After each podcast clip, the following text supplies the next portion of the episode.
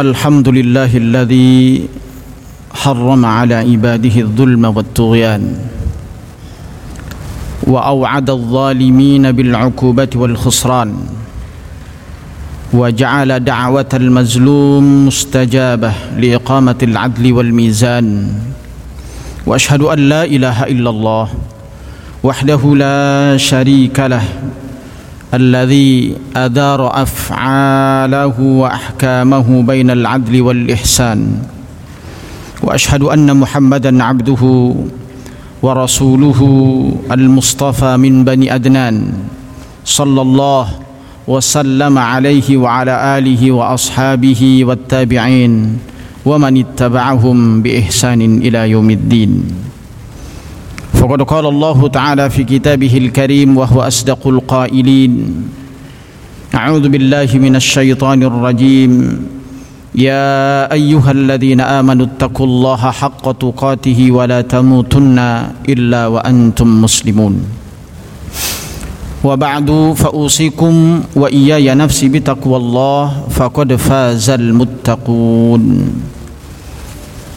Pertama-tama mari kita panjatkan puji dan syukur kehadirat Allah Jalla wa Ala atas segala nikmat karunia-Nya yang telah diberikan kepada kita semua.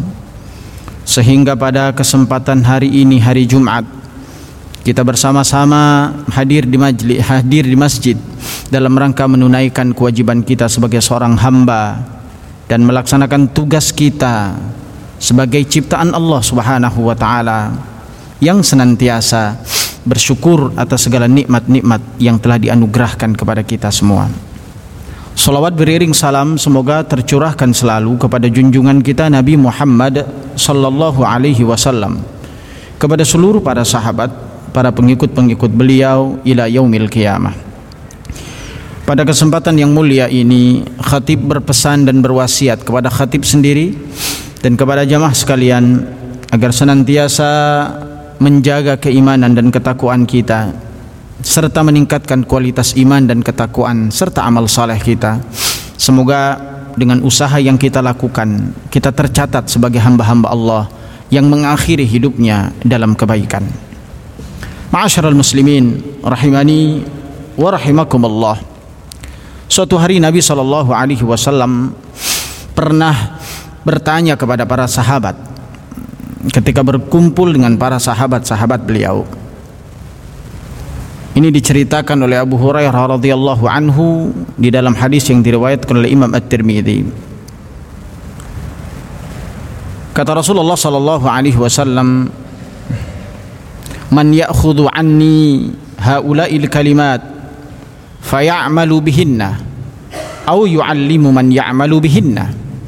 Rasulullah sallallahu alaihi wasallam bersabda, Siapa yang ingin mendengarkan dan mengambil kalimat-kalimat yang aku sampaikan lalu dia mengamalkannya atau mengajarkan kepada orang-orang yang mau mengamalkannya.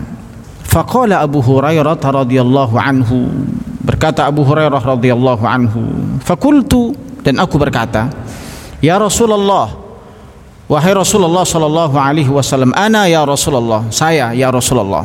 Kata Abu Hurairah radhiyallahu anhu fa'akhadha biyadi lalu Rasulullah mengambil tanganku.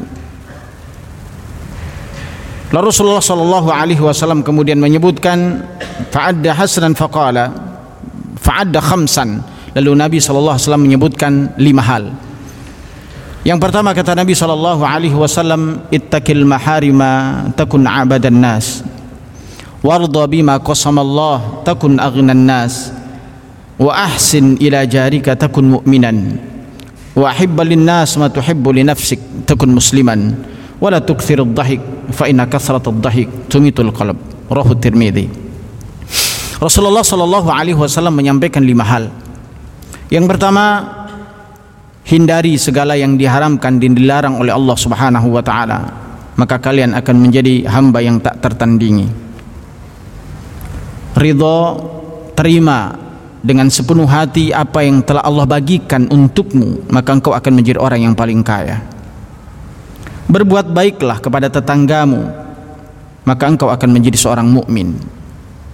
Cintailah orang lain seperti apa yang engkau inginkan untuk engkau dapatkan atau yang engkau cintai untuk dirimu sendiri maka engkau akan menjadi seorang muslim.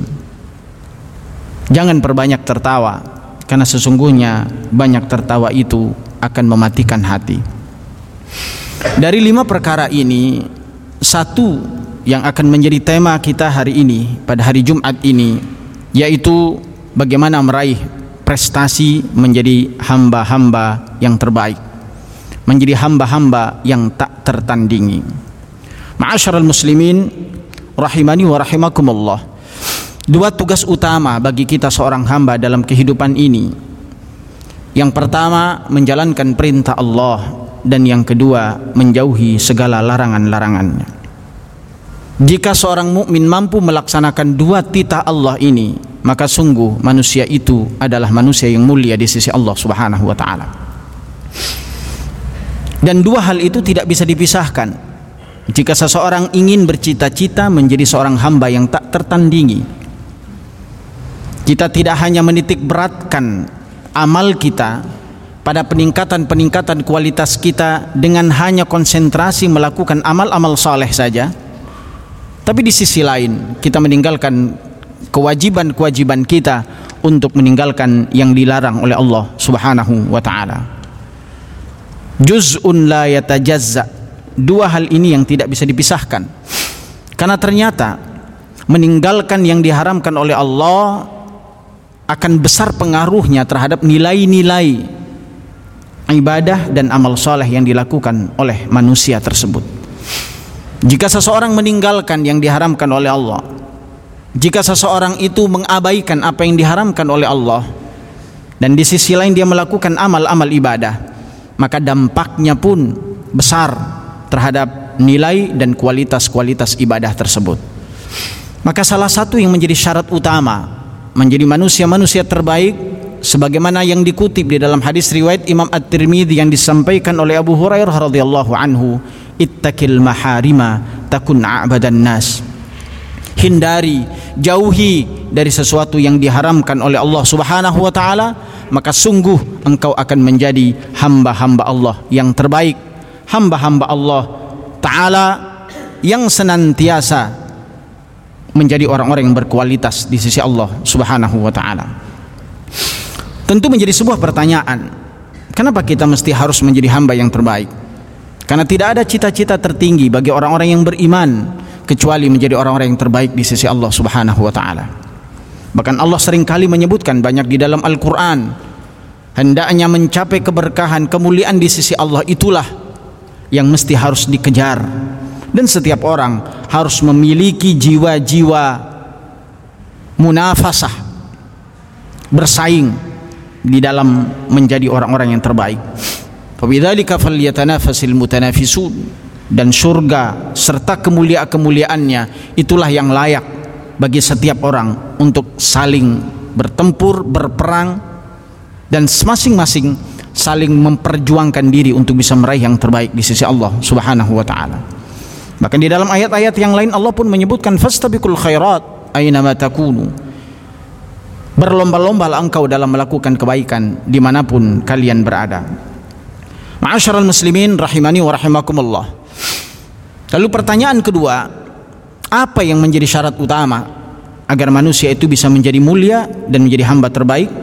Jawabannya ada di dalam hadis sebelumnya yaitu tinggalkan segala sesuatu yang diharamkan oleh Allah Subhanahu wa taala. Pertanyaan yang ketiga, apa dampak ketika seseorang meninggalkan sesuatu yang diharamkan dan di sisi lain tetap melakukan apa yang diperintahkan oleh Allah Subhanahu wa taala? Maka alasan-alasan itulah yang akan khatib sampaikan pada pertemuan yang singkat ini. Yang pertama, menjauhkan diri dari hal-hal yang diharamkan oleh Allah Subhanahu wa taala merupakan salah satu ibadah yang terbaik. Al Hasan pernah menyampaikan kepada kita semua di dalam kitab Jami'ul Ulum wal Hikam. Beliau mengatakan, ma abadal abiduna bi syai'in afdala min tarki ma nahahumullahu anhu tidak ada satu ibadah yang paling mulia yang paling dicintai oleh Allah Subhanahu wa taala, yang paling berkualitas di sisi Allah Subhanahu wa taala yaitu tarki manahahumullahu anhu yaitu meninggalkan sesuatu yang dilarang oleh Allah Subhanahu wa taala. Jelas yang dilarang dan diharamkan oleh Allah itu bukan hanya sifatnya perbuatan tapi juga perkataan. Segala sesuatu syumuli mencakup segala sesuatu. Perkataan, perbuatan dan apa pun bentuknya yang jelas-jelas diharamkan dan dilarang oleh Allah Subhanahu wa taala maka sungguh meninggalkan itu adalah afdalu syai' adalah ibadah yang paling utama jauh lebih sulit untuk meninggalkan yang diharamkan dan dilarang dibandingkan melakukan yang diperintahkan oleh Allah Subhanahu wa taala maka para ulama menyebutkan bagi orang yang sudah mampu meninggalkan yang diharamkan maka akan mudah baginya untuk melangkah menuju amal-amal kebaikan yang diperintahkan oleh Allah Subhanahu wa taala. Ma'asyiral muslimin rahimani wa rahimakumullah. Alasan yang kedua mencegah diri dari hal-hal yang dilarang oleh Allah dan diharamkan oleh Allah Subhanahu wa taala merupakan target utama dari setiap-setiap ibadah yang diperintahkan oleh Allah Subhanahu wa taala. Salah satu di antara ibadah yang nilai poin yang dapat diraih dari ibadah tersebut adalah ibadah salat. Sebagaimana Allah sampaikan dalam surah Al-Ankabut ayat 45, Billahi minasyaitonir rajim. Wa aqimis salah. Inna salata tanha 'anil fahsya'i wal munkar. Dirikanlah salat. Karena sesungguhnya mengerjakan salat itu akan mencegah seseorang dari perbuatan keji dan mungkar maka untuk hasil yang diharapkan indikasinya ibadah seseorang itu bisa diterima jika seseorang itu sudah mampu mencegah dirinya dari perbuatan keji dan mungkar dan ini bagian salah satu poin penting dari melaksanakan ibadah kepada Allah Subhanahu wa taala. Maka secara tidak langsung ketika seseorang beribadah kepada Allah namun ibadah itu belum menghantarkan manusia untuk melahirkan pribadi-pribadi yang meninggalkan perbuatan keburukan maka sudah dapat dipastikan kualitas ibadah yang dilakukan itu belum maksimal.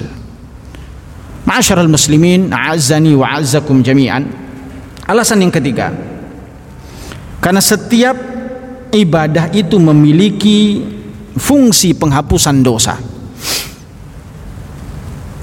setiap amal yang dilakukan oleh seseorang itu akan mampu menghapus dosa. Namun tentu syarat utamanya agar penghapusan dosa itu efektif maka sejalan juga dengan usaha yang kita lakukan agar kita meninggalkan yang dilarang dan diharamkan oleh Allah Subhanahu wa taala. Sebuah hadis yang bisa kita kutip. Sebagaimana Nabi sallallahu alaihi wasallam bersabda as-salawatul khamsu wal jum'atu ila al jum'ati wa ramadanu ila ramadan mukaffiratun ma bainahunna idza ijtunibatil kaba'ir. Kata Rasulullah sallallahu alaihi wasallam sesungguhnya salat lima waktu itu penghapus dosa. Al jum'atu ila al jum'ah dari satu Jumat ke Jumat yang lain juga penghapus dosa Ramadan ila Ramadan satu Ramadan ke Ramadan yang lain juga penghapus dosa namun Rasulullah sallallahu alaihi wasallam menyatakan mukaffiratun ma bainahunna idza jtunibatil kaba'ir. Seseorang itu akan diampuni jika meninggalkan dosa-dosa besar. Jadi ada hal yang sejalan di samping kita melakukan kebaikan, maka upaya yang keras juga harus kita lakukan agar kita mampu meninggalkan dosa-dosa yang besar. Karena amal-amal yang kita lakukan itu hanya akan mampu menghapus dosa-dosa kecil yang dilakukan oleh seorang manusia. Alasan yang keempat, ma'asyiral muslimin, rahimani wa rahimakumullah. Dengan menjauhkan diri kita dari sesuatu yang diharamkan oleh Allah Subhanahu wa taala, berarti kita dapat menjaga keutuhan amal saleh yang kita lakukan. Seringkali kita tidak sadari kaum muslimin rahimani wa rahimakumullah. Saat kita beribadah kepada Allah namun kezaliman larangan-larangan Allah tetap kita langgar dalam kehidupan kita. Secara otomatis amal-amal soleh yang kita lakukan berangsur akan hilang tanpa kita sadari. Bahkan di dalam sebuah hadis Nabi Shallallahu Alaihi Wasallam, ketika Nabi berpesan kepada para sahabat-sahabat agar meninggalkan perbuatan hasad dan dengki, sehingga Nabi Shallallahu Alaihi Wasallam mengungkapkan, "Iyakum wal hasad, fa innal hasada ya'kulul hasanat, kama ta'kulun nar al hatab." Wahai sahabat-sahabatku, hendaknya kalian meninggalkan perbuatan dengki dan iri karena sesungguhnya kedengkian terhadap seseorang itu akan memakan kebaikan-kebaikan yang sudah engkau lakukan. Dianalogikakan oleh Nabi Shallallahu Alaihi Wasallam seperti api yang membakar kayu bakar. Betapa besar dampak perbuatan-perbuatan yang diharamkan, yang dilarang oleh Allah terhadap amal-amal kebaikan itu. Dan itu tanpa kita sadari. Begitu juga dengan amal-amal keburukan yang lainnya, ghibah, namimah. Bahkan disampaikan oleh Nabi Shallallahu Alaihi Wasallam, penyebab seseorang tidak masuk surga itu disebabkan karena adu domba. La yadkhulul jannata namam. Tidak akan masuk surga orang-orang yang mengadu domba.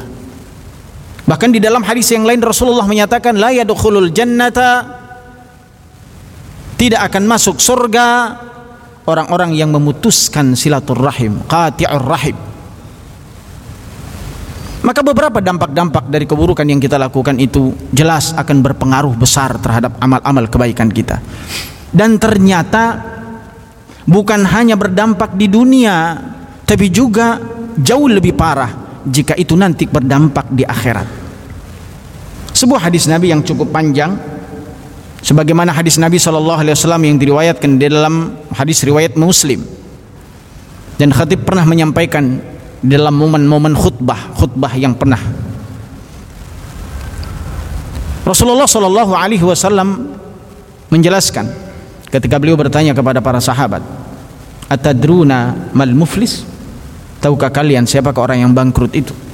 Qalu al muflisu fina man la dirhama lahu wala mata' Sesungguhnya orang-orang yang bangkrut itu kata para sahabat menjawab pertanyaan Nabi adalah orang-orang yang tidak memiliki harta, tidak memiliki perniagaan.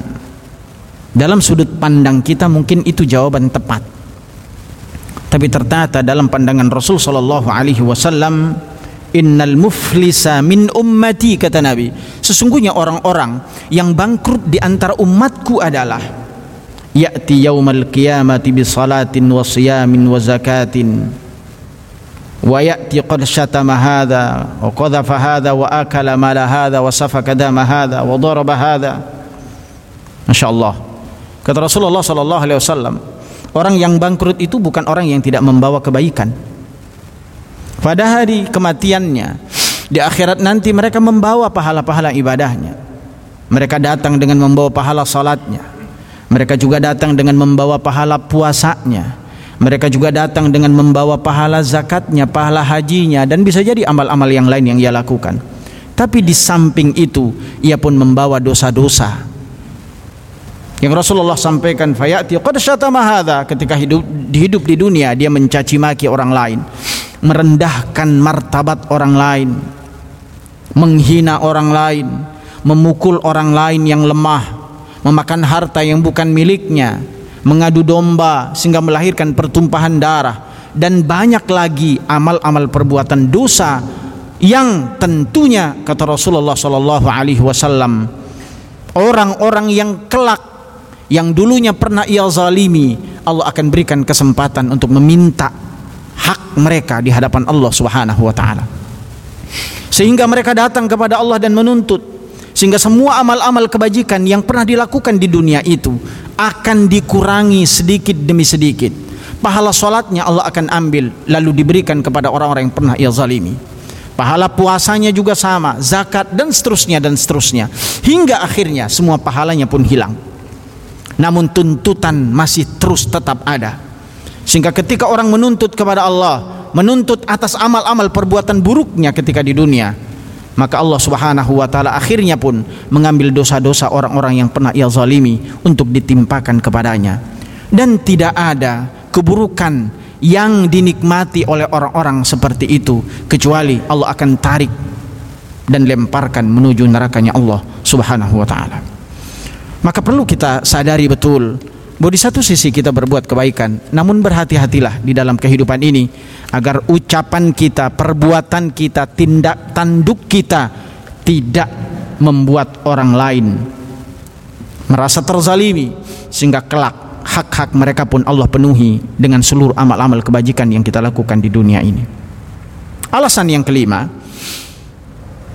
kenapa kita mesti harus meninggalkan yang diharamkan sehingga lahir manusia-manusia yang terbaik dan tak tertandingi di mata Allah Subhanahu wa taala karena sesungguhnya kita akan memiliki semangat-semangat yang berlipat ganda dalam melakukan berbagai kebaikan-kebaikan. Sadarkah kita ma'asyiral muslimin bahwa kenapa kita malas melakukan ibadah? Hadir di majlis-majlis ilmu pun enggan. Mendengarkan kebaikan-kebaikan pun kadang membuat kita jenuh. Beramal saleh berat. Di antara penyebabnya adalah karena maksiat dan dosa yang kita lakukan di dalam kehidupan ini. Karena itu Nabi Shallallahu Alaihi Wasallam pernah menyampaikan di dalam hadis riwayat Imam riwayat Abu Hurairah radhiyallahu anhu. Beliau mengatakan bahwa apabila seseorang melakukan keburukan maka sungguh dia sedang membuat satu titik di dalam hatinya nuktatan sauda satu titik hitam di dalam kalbunya. Dan jika ia bertambah kemaksiatan itu maka bertambah pula titik-titik itu sehingga menjadi gumpalan-gumpalan ron yang menyelinap dan masuk di dalam hatinya. Maka Ibnul Qayyim Al-Jauzi berkata orang-orang yang beriman dan meningkatkan kualitas imannya maka hatinya akan putih bercahaya namun orang-orang yang menutup hatinya dengan keburukan, maka hati-hatinya, hati-hati mereka itu adalah tertutup sehingga bagaimana mungkin kebaikan itu mudah. Jalan kebenaran itu akan masuk di dalam jiwa orang-orang yang berbuat kemaksiatan. Berat melangkah dalam kebaikan, susah rasanya untuk melakukan kebaikan. Penyebab utamanya adalah karena tidak meninggalkan yang dilarang oleh Allah dan tidak meninggalkan maksiat-maksiat yang ada. Sehingga Ibnu Qayyim Al-Jauzi pernah mengatakan sebagai pesan buat kita semua bahwa sesungguhnya satu keburukan itu adalah magnet bagi keburukan yang lain. Keburukan itu bukan hanya akan menutup langkah kita menuju kebaikan yang ada di depan, tapi sungguh jauh lebih parah lagi, keburukan itu akan menarik kita untuk kembali kepada keburukan-keburukan tersebut. Maka ketahuilah ma'asyiral muslimin rahimani wa rahimakumullah, Sesungguhnya Allah Subhanahu wa taala itu sudah menetapkan mana yang diwajibkan mana yang dilarang untuk kita semuanya. Maka apa pun yang diharamkan oleh Allah kepada kita, wala tantahikuha, jangan engkau langgar. Batasan-batasan Allah itu jangan engkau musuhi, jangan engkau langgar. Lalu kemudian jelas kecuali jika kita dalam keadaan lupa dan terpaksa jelas itu menjadi hukum-hukum yang berbeda. Karena itu ma'asyiral muslimin rahimani wa rahimakumullah. Jamaah sekalian, khutbah yang singkat ini mengajarkan kepada kita semua ketika kita hidup maka konsentrasikan diri kita kepada dua hal wa ma atakum apa yang diperintahkan oleh Allah maka ambillah dengan segenap kemampuan yang kita miliki. Ini stata'tum dan jika Allah melarang kita maka kita cobalah dengan segenap kemampuan kita untuk meninggalkan yang diharamkan oleh Allah maka mudah-mudahan dengan demikian memaksimalkan dua potensi itu akan melahirkan pribadi-pribadi hamba-hamba Allah yang tiada tangging dan meraih prestasi menjadi hamba-hamba yang terbaik. Aku lu qauli hadza wa astaghfirullah al-azim li wa lakum wa li sairil muslimin wal muslimat wal mu'minin wal mu'minat fastaghfiruh innahu huwal ghafurur rahim.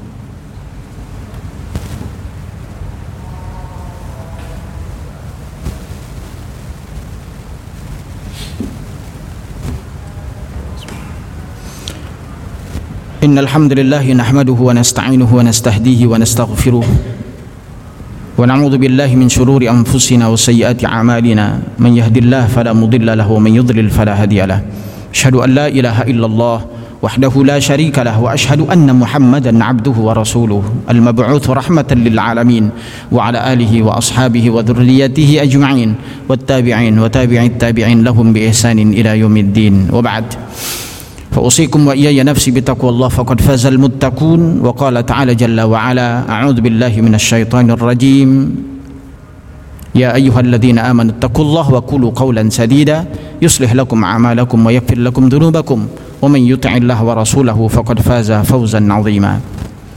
وكما قال الله تعالى عالما مخبرا عالما في كتابه إن الله وملائكته يصلون على النبي يا أيها الذين آمنوا صلوا عليه وسلموا تسليما. اللهم صل على محمد وعلى آل محمد وسلم رضي الله تعالى عن كل صحابة رسول الله أجمعين والحمد لله رب العالمين. اللهم اغفر للمؤمنين والمؤمنات والمسلمين والمسلمات الأحياء منهم والأموات برحمتك يا أرحم الراحمين. اللهم اغفر لنا ذنوبنا ولإخواننا الذين سبقونا بالإيمان. فلا تجعل في قلوبنا غلا للذين آمنوا. ربنا إنك رعوف رحيم. اللهم إنا نسألك رضاك والجنة ونعوذ بك من سخطك والنار. اللهم إنك عفو كريم تحب العفو فاعف عنا يا كريم. ربنا ظلمنا أنفسنا وإن لم تغفر لنا وترحمنا لنكونن من الخاسرين. ربنا آتنا في الدنيا حسنة وفي الآخرة حسنة وقنا عذاب النار. عباد الله إن الله يأمر بالعدل والإحسان وإيتاء ذي القربى وينهى عن الفحشاء والمنكر والبغي. يعظكم لعلكم تذكرون. فاذكروا الله العظيم يذكركم واشكره على نعمه يزدكم. ولذكر الله أكبر والله يعلم ما تصنعون. قم الصلاة.